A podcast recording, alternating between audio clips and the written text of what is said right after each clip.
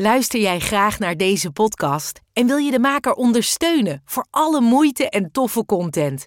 Geef dan, als je wat kan missen, een digitale fooi. Dat doe je via d.com zonder abonnement of het achterlaten van privégegevens. Dus d.com. ochtends voordat ik een espressootje kon vasthouden, moest ik eerst een glas rosé wegklokken. Omdat ik anders zoveel trilde dat ik koffie niet meer vast kon houden. Lieve mensen, welkom bij een nieuwe aflevering van de podcast van Verslaving naar Vrijheid. Mijn naam is René van Kolm en fijn dat je kijkt en luistert. Eh, in deze aflevering hebben we een echt een mooi verhaal van een dame die ik wel bewonder. Zij is wel echt ver en diep geweest en is nu yoga teacher en geeft meditatie. Is helemaal in een ander leven gekomen. Als je het over transformatie hebt, dan hebben we het over Eline van der Kam. Eline, wat fijn dat je bij ons bent vanuit Limburg. Ik zit in Zandvoort, jij, we zitten op de Zoom. Uh, fijn, we kennen elkaar al van, uh, ja, van, van jaren geleden. Eigenlijk kennen elkaar uit het fellowship, maar we kennen elkaar ook vanuit yoga- en meditatiepraktijken, zeg maar, zullen we maar zeggen. hey, en je, we hadden even een voorgesprekje. Je, je vertelde een aantal dingen. Ja, jij bent twaalf jaar in herstel van een verslaving. Clean en nuchter. En uh, nou, we zijn, ik ben dan 13 jaar, maar het loopt een beetje gelijk op. Hè? Uh, ja, super mooi. En je zit hier heerlijke huisje in, in Limburg. Woon je nu tegenwoordig? Vanuit Amsterdam. Ja, dankjewel. Hey, ja, heel graag. En heel fijn dat je ook op korte termijn wilde deelnemen in deze podcast. Heel fijn. Hey, als we het gaan hebben over jouw verhaal. En nou, we hebben natuurlijk in deze podcast over verslaving. En vooral, hè, verslaving is één ding, maar herstel ervan, wat nog gigantisch onderschat wordt, is ook een heel groot onderwerp. En ook wat de impact is van verslaving op je naaste, op je omgeving, maar ook herstel daarvan. Als we teruggaan naar het begin, Eline, waar, waar is bij jou als uh, nou, jonge, jonge vrouw uh, jouw verslaving begonnen en waarmee? Ja, toen. Uh we duiken meteen de diepte in. Hè? Dat, is, uh, dat, is mooi, want twaalf uh, jaar in herstel. Uh, de, de, geest is zo flexibel dat je dat allemaal een beetje vergeet. Maar om met jou en jouw luisteraars er weer terug te duiken naar dat turbulente studentenleven waar ik in terecht kwam, zo halverwege jaren, ja, begin jaren tachtig. Um, was, een, was een tijd voor mij uh, waarin ik al meteen wel voelde dat ik toch altijd wel als laatste aan die bar hing. En toch altijd in de studentenvereniging um, uh, degene was, de enige vrouw vooral was, die het allermeeste kon drinken. En ik haalde daar wel een bepaalde trots uit of zo, dat ik met de mannen mee kon doen. Maar uh, het was wel opvallend voor mezelf. Ik schaamde me daar ook af en toe wel een beetje voor. Dat ik, um, ik ging ook vaak naar verschillende feestjes na elkaar, uh, zodat ik daar weer door kon gaan. En ja, dat, dat waren intense tijden. En uh, met blackouts, dat ik echt niet meer wist waar ik wakker werd. En ik zorgde meestal in die tijd ook wel voor dat ik verkering had of een relatie had die mij dan naar huis bracht. Hm. Want anders had ik geen idee. Dus, dus, ik heb me eigenlijk altijd wel ingedekt in een bepaalde relatie. Omdat ik voelde van nou, als je mij alleen de stad instuurt, dan weet ik niet of ik en waar ik thuis kom. Dus, dat, is best, dat is best al heftig, hè? Dat je ja. vanaf, als ik je goed begrijp, dat je eigenlijk zegt vanaf het moment dat ik, Ja, vanaf de 18 maar toen je begon met drinken, dat het, dat het gelijk al, dat klinkt al gelijk grenzeloos, hè? Met een hele, hele hoge tolerantie, dat je echt veel kon wegwerken. Ja. Ja. ja. en ik selecteerde natuurlijk ook mijn clubjes op, uh, op, op, op het gebruik van alcohol. Vooral het was toen echt alcohol. Um, ja, dat studentenleven met heel veel feestjes, heel veel gelegenheden. Elke vergadering was gewoon eigenlijk een, een, een. En um, ik heb dat ook naadloos meegenomen toen ik wat ouder werd. Op een gegeven moment in het buitenland ging uh, werken. En, en ja, dat expatleven, dat, dat, dat ging eigenlijk naadloos, studentenleven, expatleven, naadloos in elkaar over. En daarin heb ik toch echt wel vaak um, geprobeerd om maar even een paar maanden niet te drinken, omdat het zo gierend uit de hand liep met mij. En ik, ik, daar zat, ik, ik, ik had geen enkele rem. Echt waar, als ik, als ik één glas en ja, en dan, dan was ik er verloren. Ik voelde me ook echt verloren. Ja, heel ja, ongelukkig eigenlijk. Terwijl ik juist dan een super positieve uitstraling probeerde. Zo van, hé, hey, kijk mij genieten van het leven. Maar diep ongelukkig, omdat ik weet, als ik dat eerste glas ga nemen, dan, dan ben ik weg. Dan weet ik niet hoe de avond zal verlopen.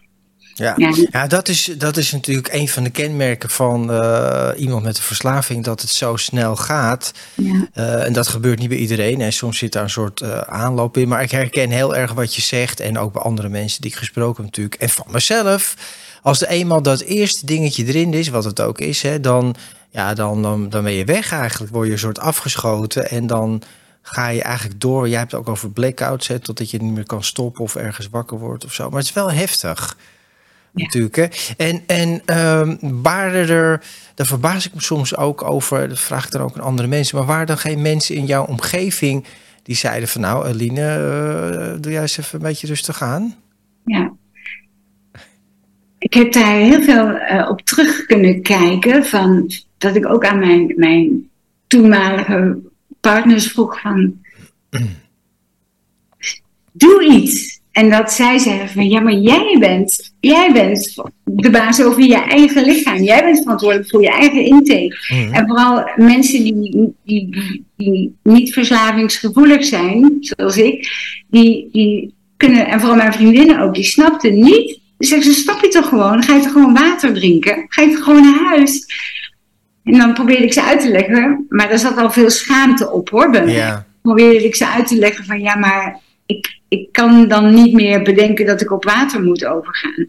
Ja. Ehm, eh, het feit dat ik nu hier zit, ik ben nu 58, ik vind het echt, uh, ik heb zoveel engeltjes gehad die mij altijd door al die meest gevaarlijke, want ik heb in Afrika rondgezworven, nou echt gevaarlijke situaties met een, uh, heel veel drank ik ben er nog steeds. Dat vind ik werkelijk een wonder. Dus daarom voel ik ook um, in mijn twaalf jaar nuchterheid en wat ik nu uh, mag delen met, met jou en met jouw luisteraars, voelt echt als een. Ja, ik heb een heel groot cadeau gekregen. Dat is mijn nuchterheid, dat is mijn vrijheid. Ik ben niet meer verslaafd. Ik moet er keihard aan werken, elke dag weer. Want ik kan mij het niet veroorloven om heel erg getriggerd te worden in iets. En dan richting dat fuck it moment te gaan waarop ik niks beters kan bedenken dan uh, slaappillen. Want geef mij een slaappil en ik ga zelf, meteen dezelfde kant op. Hè? Ja, ja. Dus bij mij was het heel erg, um, uh, die slaappillen kwamen pas toen ik een jaar 35 was. Kalmeringspillen kwamen erbij.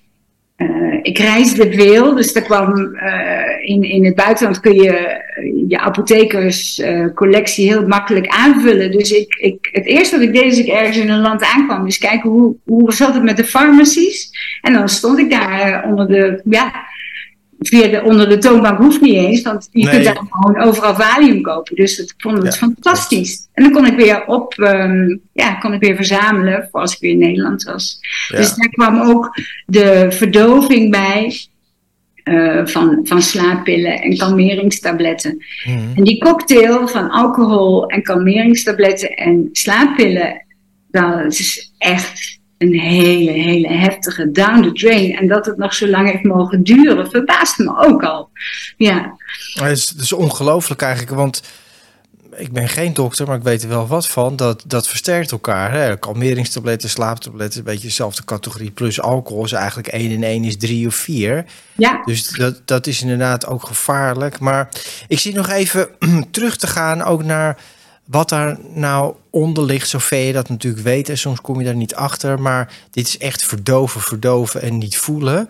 Ja. Uh, weet jij, als je nou terugkijkt, hè, je hebt natuurlijk heel veel werk gedaan de afgelopen twaalf jaar, wat er was waar dat je van zegt van ja, dat wilde ik niet voelen, of dat vond ik moeilijk om mee om te gaan, of er zat een leegte of iets anders wat in de weg zat. Weet je dat? Ja, dat is ook een, een, hele mooie vraag. En ook een vraag die ik natuurlijk ook heel vaak ook mezelf gesteld heb tijdens meditatieretretes en uh, stilte momenten. Um, als ik terugga naar het begin, waarom ik dronk, was dat uh, gewoon om mee te doen en omdat ik ook een bepaalde fysieke gesteldheid was, hè, die hoge tolerantie, die, die, uh, dat absorberen van alcohol. Um, dat was een fysiek. Volgens mij zit ik fysiek ook iets anders in elkaar dan iemand mhm. die na twee, drie glazen zegt: Oké, okay, was gezellig, toedeloe, ik ga weer naar huis. En uh, die leegte, ik denk dat dat een leegte is die elk mens hier op aarde voelt. Van mhm. waarom ben ik hier? Wat doe ik hier? Waarom doet dit pijn? Uh, waarom is dit onaangenaam? En voor mij was bij alles waardoor ik getriggerd werd, was het antwoord drinken. Dus ik heb ook vanaf mijn achttiende, heb ik denk ik in mijn emotionele ontwikkeling best wel stilgestaan. Omdat ik uh, nooit bereid was om eens te gaan kijken van hé, maar waarom doet dit pijn? Ik had meteen een antwoord klaar. En dat is gebruiken, drinken, uh, pillen slikken.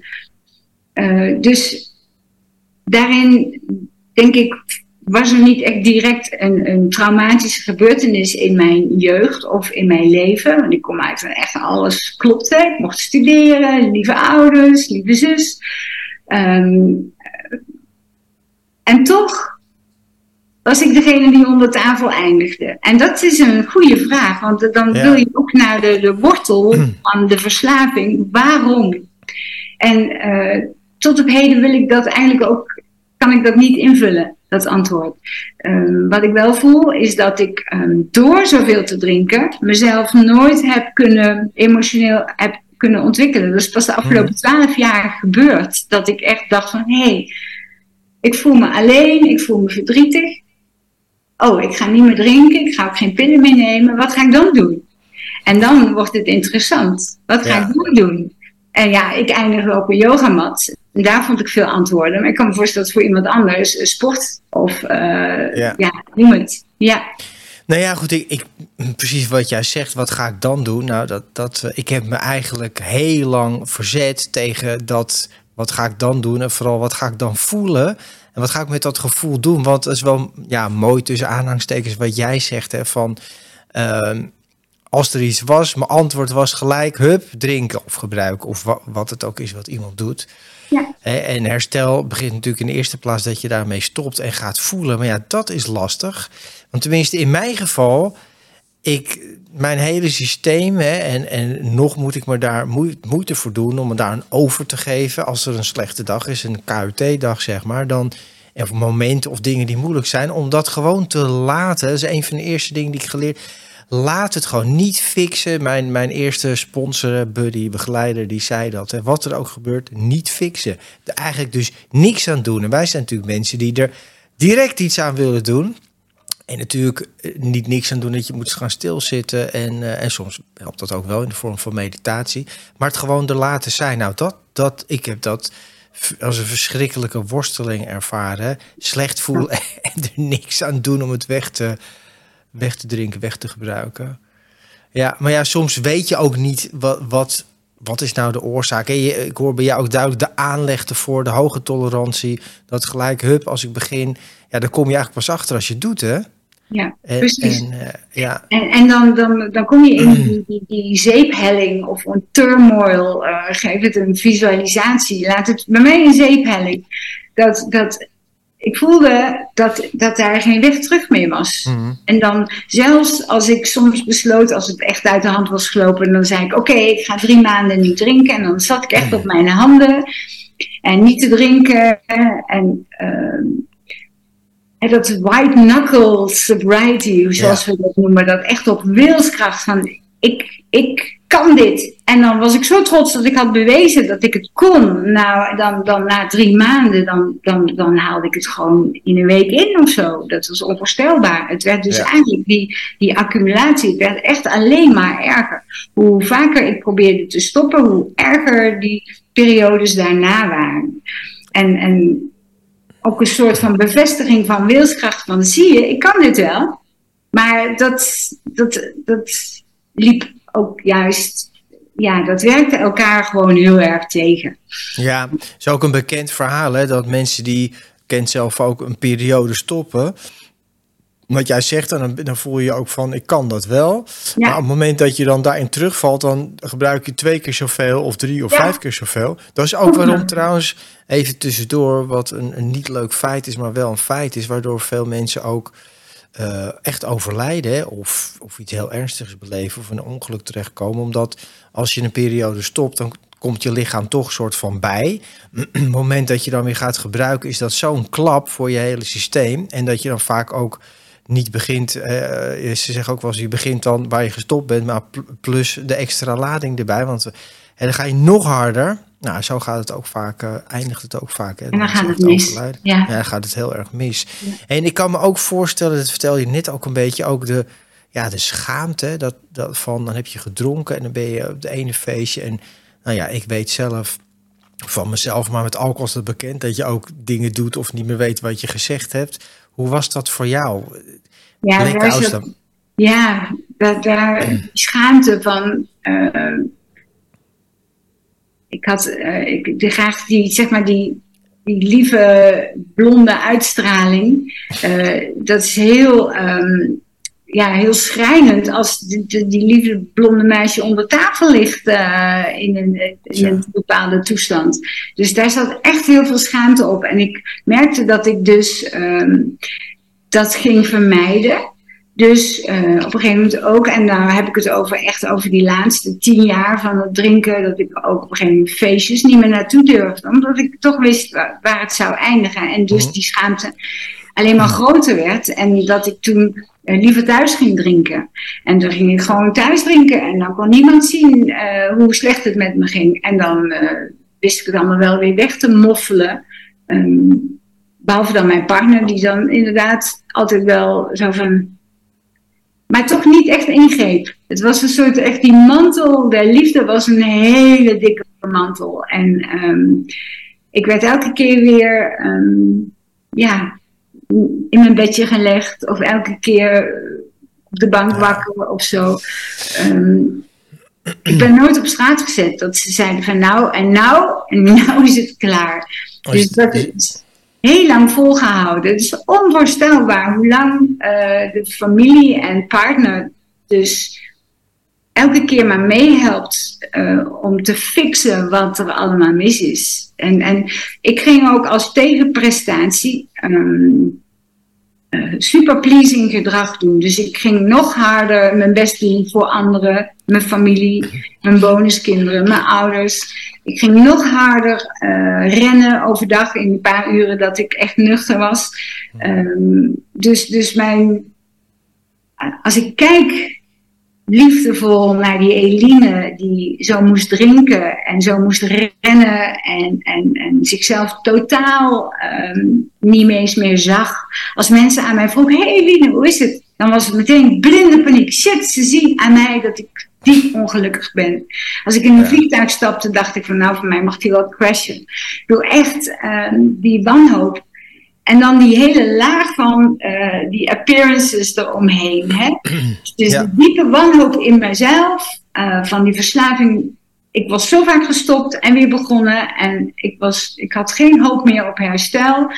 Die, die dikke laag uh, van, van, van Eline, die altijd vrolijk was en die het helemaal gemaakt had. Een huis in Italië, een, de hele wereld over gereisd. Een lieve man, bonuskinderen, alles aan de buitenkant klopte echt ook nog zo verbazend. En dan daarin zat, zat, zat ik. En ik vloog in paniek als iemand vroeg: Eline, hoe is het met je? Dacht ik, shit, ze zien het. Ja, heftig. Heftig, hè? Als je dat gewoon daar nu bij stilstaat. Ja. Ja, wat een krampachtig, gespannen leven. En uh, dat is natuurlijk iets wat heel veel mensen doen en ook wel herkennen. Dat uh, keeping up appearances. Aan de buitenkant is het allemaal zogenaamd fantastisch, maar dat doe je natuurlijk voor jezelf ook. En wat ik toch wel bizar vind, uh, maar ook super herkenbaar, want helaas gaat dat zo, dat de omgeving, je zei dat een lieve man, hè, die heeft natuurlijk dat, dat hebben we het niet over een week, die heeft dat waarschijnlijk jaren meegemaakt. En dat dat dan wordt geaccepteerd of, of getolereerd. En jij noemt het de, we noemen dat in de volksmond de mantel der liefde, maar ik noem het de mantel der ontkenning en wegstoppen. Want het is natuurlijk, dat is wat het is. Hè. Wij kijken weg, maar de, de naasten kijken ook weg. En ik weet niet, werd hij nooit boos of een gesprek erover? Of uh, was het überhaupt te moeilijk te, om daarover te praten? Bijvoorbeeld met jou, liet je het wel toe?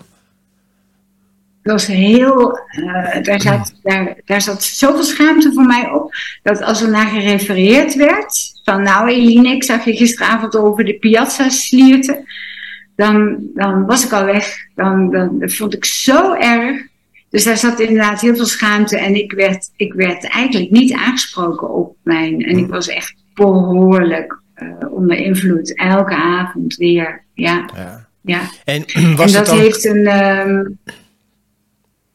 Ja, ik bedoel, klapte je dan dicht als er naar jou gevraagd werd van, nou, nou Eline, ik zag wel dit of dat, of moeten we het daar niet over hebben? Je voelde dan gelijk die schaamte, hè? dus dan weet je wel hoe laat het is. Maar klapte je dicht of wilde je niet over praten of wuifde je het weg?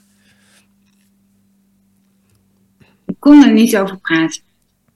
Ik vond dat heel moeilijk. Want ik wilde het niet. Dus het, eh, als mensen daarover praten, dan gaven zij bevestiging dat het echt zo was. Ja. En voor mij zou ik graag geloven in dat het wel reuze meeviel.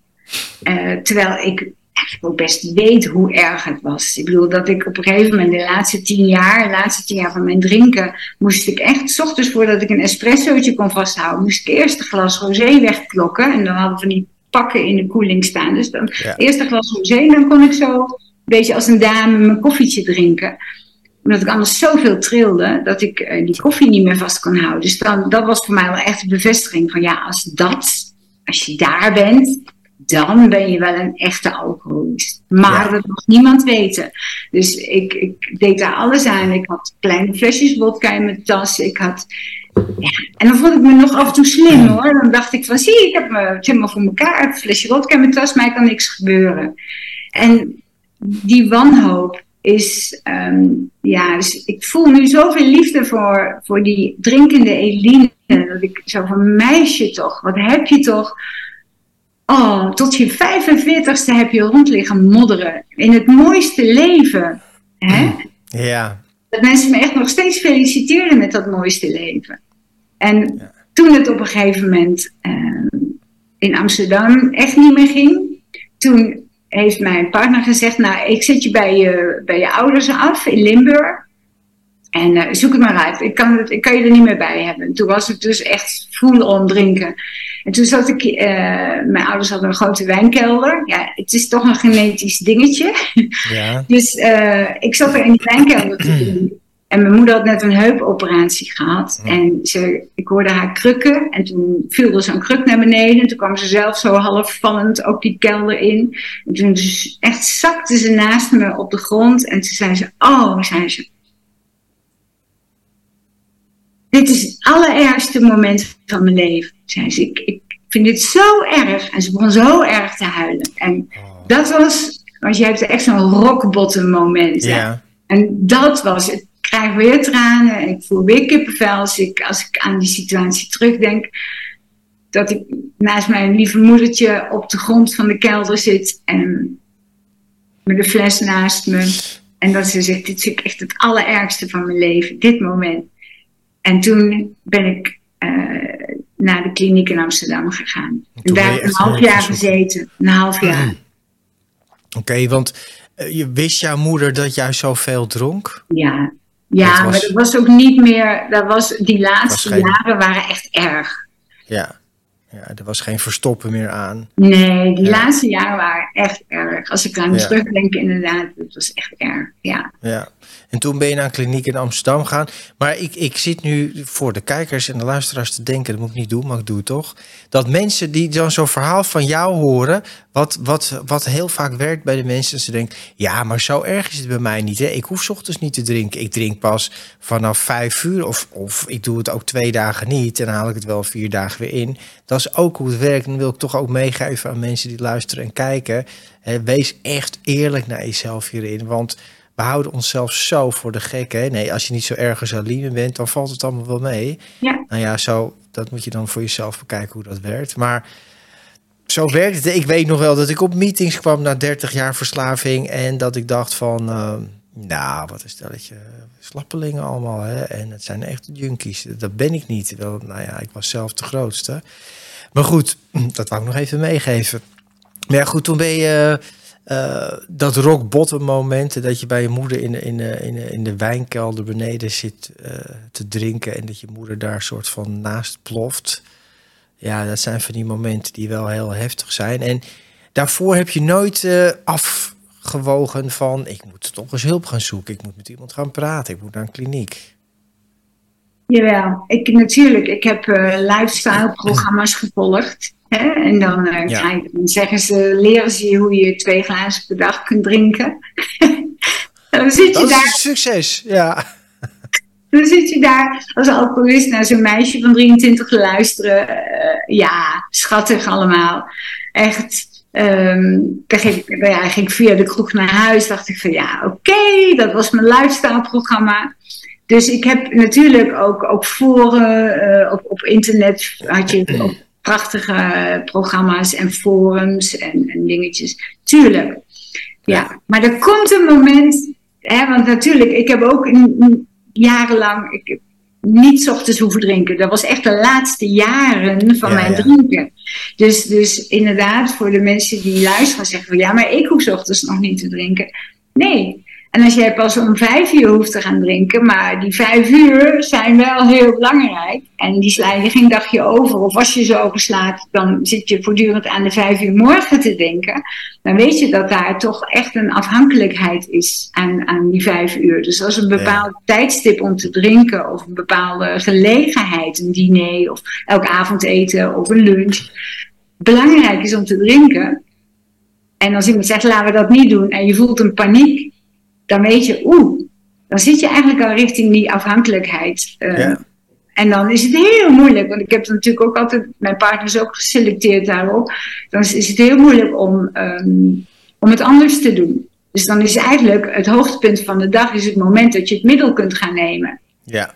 Wat een afhankelijkheid. En wat een, wat een onvrijheid.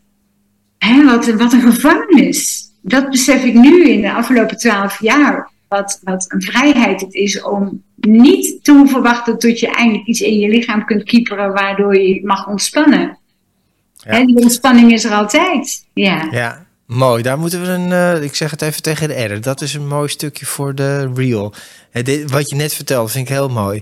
He, want dat is het echt wat het is. He, dat uitkijken naar het moment dat ik mag gebruiken, gamen, gokken, wat je ook doet, of wat het ook is. Ja en daar naartoe leven. En dan dat moment van korte ontspanning, weliswaar. En dan begint de, de hele ellende. Die alleen maar kan voorkomen door weer meer te gebruiken en te, te doen. Ja, hey, en nou ja, super herkenbaar. Toen ben je in de kliniek in, in Amsterdam een half jaar, is best wel een lange tijd. Ja. Je was natuurlijk ook wel even heel plat gezegd, denk dat je er niet zo lekker aan toe was. Je was best wel naar, naar nee, de kloten. ik was heel ja? ziek. Ik was fysiek echt heel ziek. ik, had, uh, ik was gewoon geel. En mijn lever, mijn lever was echt beschadigd. Ik kreeg ook vitamine B12-injecties ja, ja. en uh, een tiendaagse detox. En, um, en in die tijd waren er in de kliniek ook prachtige mindfulness-programma's. Hm. Dus, dus op het moment dat ik fysiek opknapte. En blijkbaar was ook mijn bewustzijn uh, er rijp voor om te zien dat die rol die ik mezelf altijd heb uh, toegeëigend en me helemaal in geïdentificeerd heb, dat ik dat helemaal niet was. Dus al die verslaafde, uh, geconditioneerde gedachten, al die bevestigingen dat ik een uh, alcoholist was, ik kon daar naar kijken voor het eerst in mijn leven, 45 jaar. Ja. En, dat dat gewoon allemaal maar gedachten waren. Dat het allemaal niet um, niks te had te maken met mijn essentie. En dat, dat wat ik werkelijk ben, uh, de ruimte is waarin eigenlijk alles voorbij mag komen. Zoals jij zo mooi zegt. Ben je getriggerd? Ga gewoon zitten.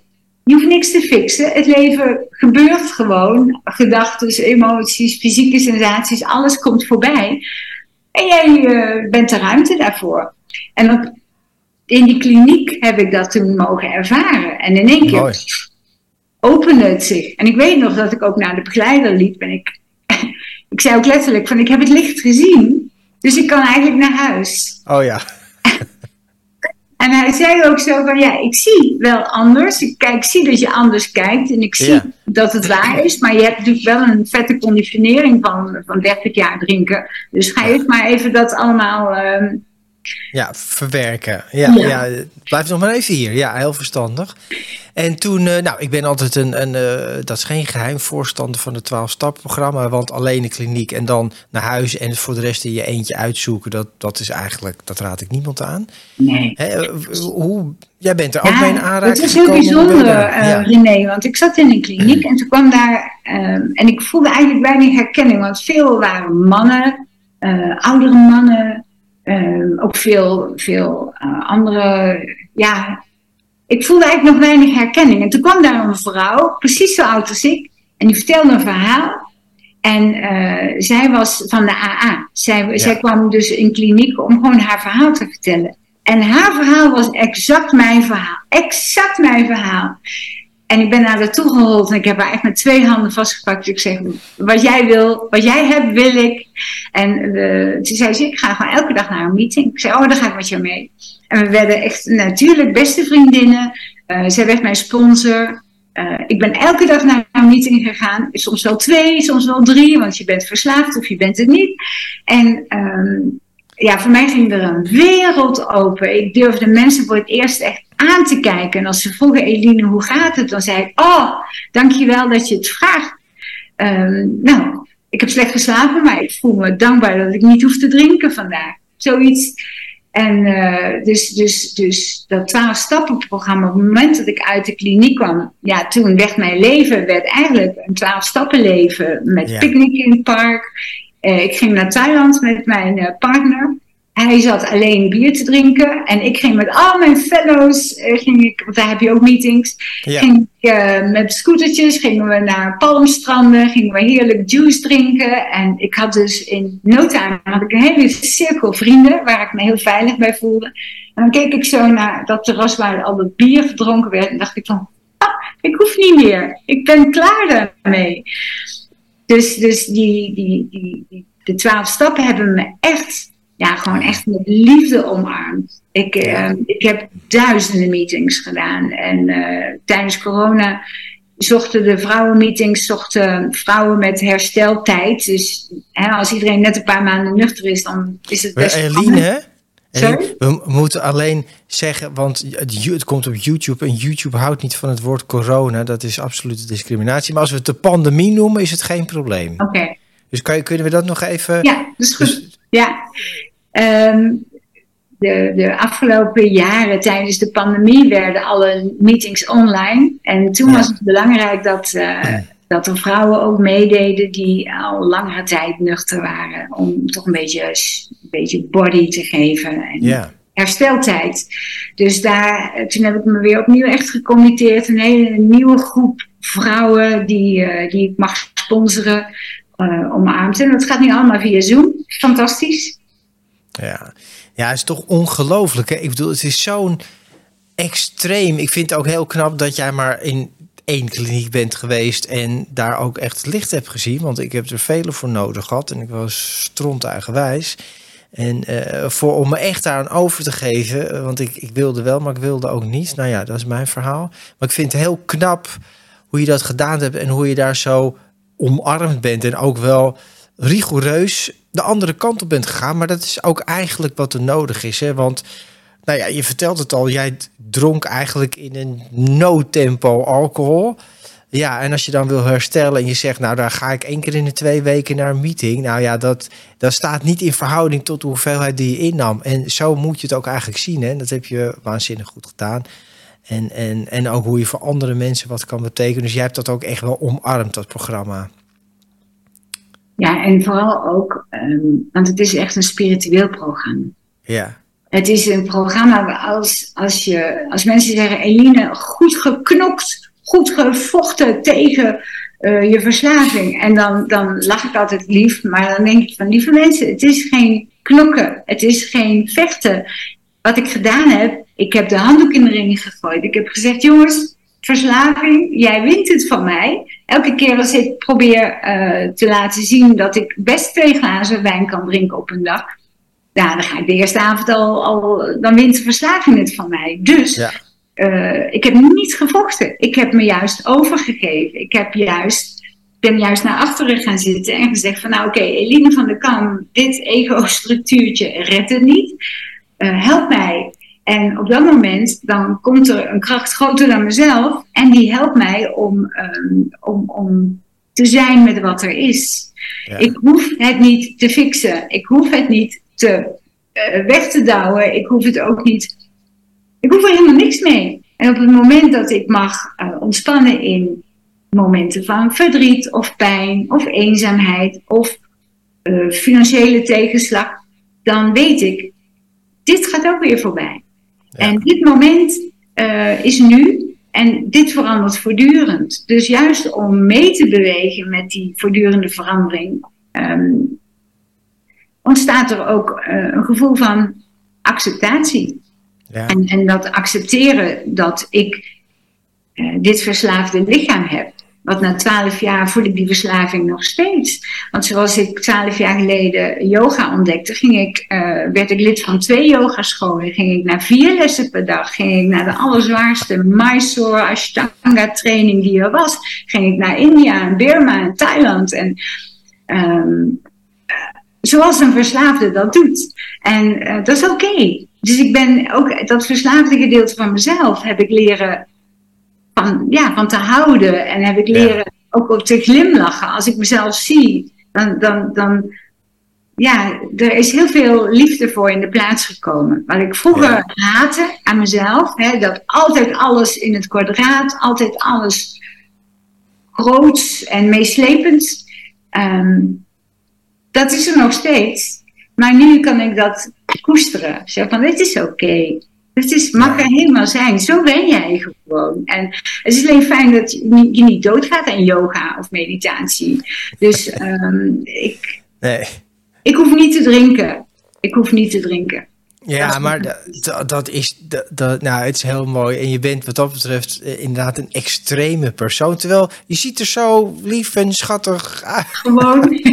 Je zou het niet zo zien. Maar het is wel alles of niks. Hè? En eh, dat hoor ik ook in je verhaal terug. Maar ja, dat herken ik ook wel. Dat extreme en dan ook de andere kant op. Hè? Eh, maar ik denk ook, nou ja, voor mensen die extreem leven, zal je ook extreem moeten herstellen. Ervan, hè? Dat Die kracht. mooi. Ja, weet je, het, is, de, de- de- het moet extreem anders. Je kan niet, ja, ik ga een beetje er wat aan doen. Ik ga een beetje herstellen. Ik ga, weet je, en, en dat gevecht, alles wat je zegt. En wat voor jou mij geldt, denk ik echt en voel ik echt geld voor iedereen die zich hierin herkent. Het, is, gewoon alles of niks. Het is zwart of wit. Er, is geen grijs gebied. En anders ga je het gewoon inderdaad niet winnen. En, eh, hey, en je bent helemaal, nou ja, ik ken je ook van Amsterdam, hè, de nieuwe yogaschool waar je dingen hebt gedaan. Dus je bent nu, en vertel eens, ook, ik vind het ook leuk om te weten wat je nu doet. Ja, dat is, eh, eh, het is best een afscheid geweest van de stad. En ik, had daar, ik heb daar heel lang gewoond. En eh, ik heb altijd vreselijk genoten van de reuring. En ja, Amsterdam is gewoon fantastisch. Echt.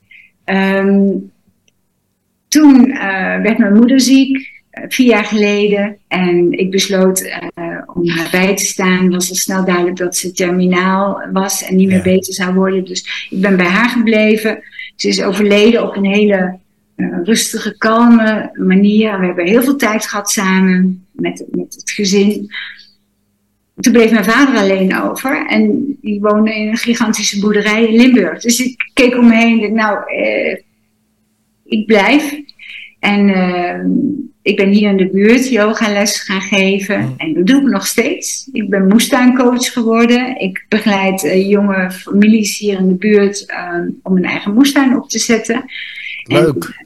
Dat is fantastisch. Eh, want, want dat is wel, hè, dat, dat, ik ben ook bezig met eco-communities. Dus het eh, verschillende mensen samen te leven op één plek. En dan daarin eh, ja, een compleet pro- programma. waarin dus ehm, verdieping, eh, en dat kan van allerlei vormen van verdieping zijn. Maar ook duurzaam leven, hè, waarin je zo min mogelijk de aarde wil overbelasten. Maar ook zorgen voor elkaar, een sociaal een netwerk.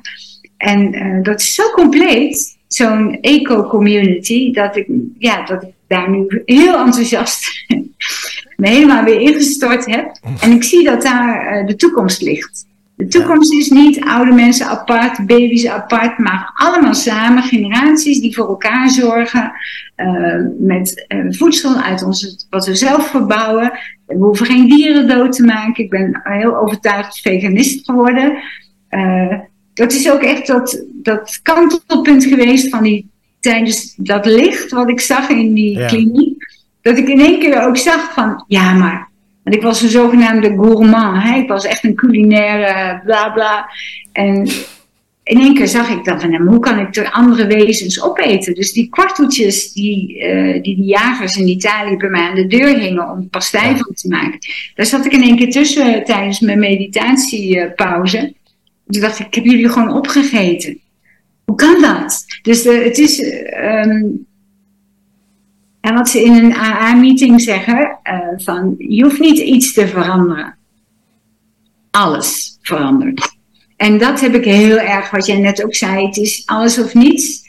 Je ja. kunt niet een beetje werken aan je herstel. Het is, het is een soort, um, ja, het is, het is een, een, een dynamiek, hè, die, die, die donut die je soms ziet van energie, die um, levensenergie die graag um, door jou heen wil leven.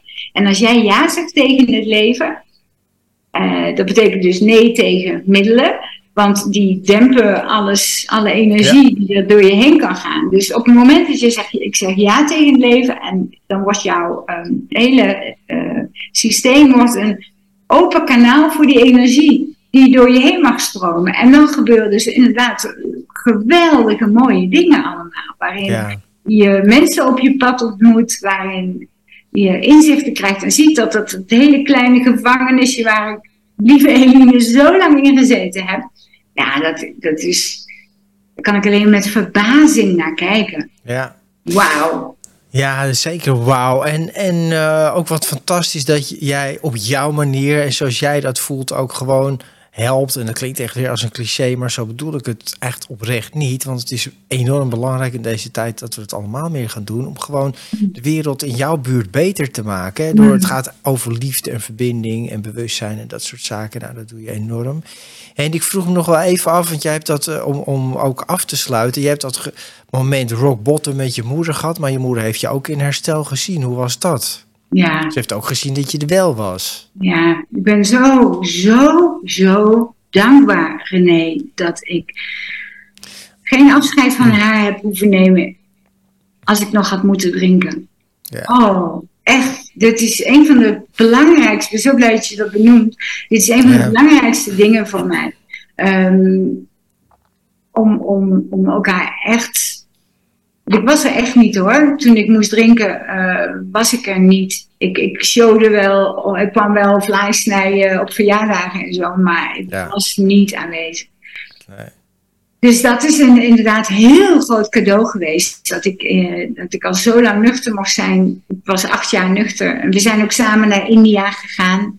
Um, mijn vader wilde graag naar Israël, mijn moeder naar India. Dus ik ben met allebei nuchter op reis geweest. Nou, wat Ja. een wat een, een, ja, dat is het grootste cadeau geweest. Ja, Net hebben ze dat- hebben ze- met je familie. Ja, hebben ze het ook benoemd naar jou toe? Van, Heel uitgebreid. ja, heel uitgebreid. En, en ook grappig is, in de tijd van gebruik hebben we het eigenlijk bijna niet gehad hè, over die, die, die, die, die roze olifant die altijd naast ons zat. En eh, het moment dat ik eenmaal stevig in mijn herstel zat, na een paar jaar, ja, ging het er heel vaak over. ja. Nee, daar En kan je er ook over praten. Ja, met verbazing dacht van waarom, ja, zo is het gegaan, maar dat het er Ja. dus nu wel over mag gaan. ja. Maar het is, en voor onze geliefden en, en, en voor jezelf is dat zo belangrijk. Ik ben ook zo dankbaar dat mijn moeder heeft negen jaar van mijn clean-tijd meegemaakt toen ze eh, overleed, waar ik echt bij was. Ik heb er echt tot het laatste moment vast kunnen houden, hand vast kunnen houden en voor haar geweest. En, en eh, ja, ik, ik zou niet weten hoe ik dat aan mezelf moet verkopen, wegstoppen als, zij, als ik nog in gebruik was. En zij was, het is verschrikkelijk, weet je, voor haar. En Oh, maar goed, de, alles is dan toch niet voor niks geweest of zo. En, en dat je gewoon nuchter met, met, uh, met je moeder kan zijn, een reis kan maken, ja, is toch fantastisch. Ja, nou ja. Ja, Elina, ik vind het ook wel, het is een heel mooi verhaal. En ik vind het fantastisch wat je allemaal ook nu doet. En hoe je, je bent een extreme vrouw, hè, van... Uh, maar zo mooi als je dat hebt opgedraaid naar extreme goede dingen. En je daar helemaal voor inzet en ervoor gaan. En uh, wat een kracht zit erin. Hè? En, en ook weer dat je toch na zo'n lange tijd. Het 30 jaar alcohol is geen grapje. Het toch helemaal kan herstellen en er zo blakend en gezond uitziet. Zoals nu. En een groot cadeau. Ik ben er zo dankbaar voor. Dat kan ik jou. Uh, ja, jij voelt wat ik voel. Ja. En dat ik gun herstel echt iedereen. En als ik het kan, dan kunnen anderen het ook. Want ik, ik weet je, uh, het is er voor iedereen herstel. Echt waar. Wat, wat, ook je middel is, of, of je middelen zijn, er is altijd vrijheid. En wij zijn daar ook uh, voor elkaar. Hè? Van you are not alone. You are not alone. Um, ja, zoveel liefde voor jou en je prachtige podcast voor al onze fellows die in herstel zijn uh, en voor alle mensen die graag nuchter of clean willen worden. Weet je, um, doen dit samen. Dank je wel. Nou, ja. nou, jij dank je wel, Eline. En, en uh, nou, dank je wel voor al je lieve woorden. En ook voor alle mensen die kijken en luisteren naar deze aflevering. Dan deel het met anderen. En Eline is weer echt een fantastisch mooi voorbeeld van iemand die toch uit een heftige verslaving is gekomen en haar leven totaal getransformeerd heeft. Weet dat het mogelijk is, dat het altijd kan, waar je ook bent. Je bent inderdaad niet alleen. Bezoek zo'n meeting, een 12-stappen programma. Ik hoorde laatst, er zijn nu inmiddels 650 meetings in Nederland per week. Nou, dus er is altijd wel eentje bij jou in de buurt. En je bent niet alleen, ga er naartoe, maak verbinding met die mensen en zoek die herkenning ook op. Dat is zo belangrijk. Dus Eline, dank je wel voor het participeren in deze podcast. Kijkers en luisteraars, dank jullie wel. En nogmaals, abonneer je op dit kanaal als je dat nog niet gedaan hebt. Het kost niks, maar het is wel belangrijk. En deel het met andere mensen waarvan je denkt, nou, dat is een mooi verhaal om dus te delen met andere mensen. Nogmaals, dank je wel voor het kijken en het luisteren. Ik hoop je te zien bij een volgende aflevering van deze podcast. Luister je graag naar deze podcast? Laat de maker weten dat je waardeert wat hij of zij doet en geef een digitale fooi. Dat kan zonder abonnement, snel en simpel via fooiepot.com. Fooiepot met een d.com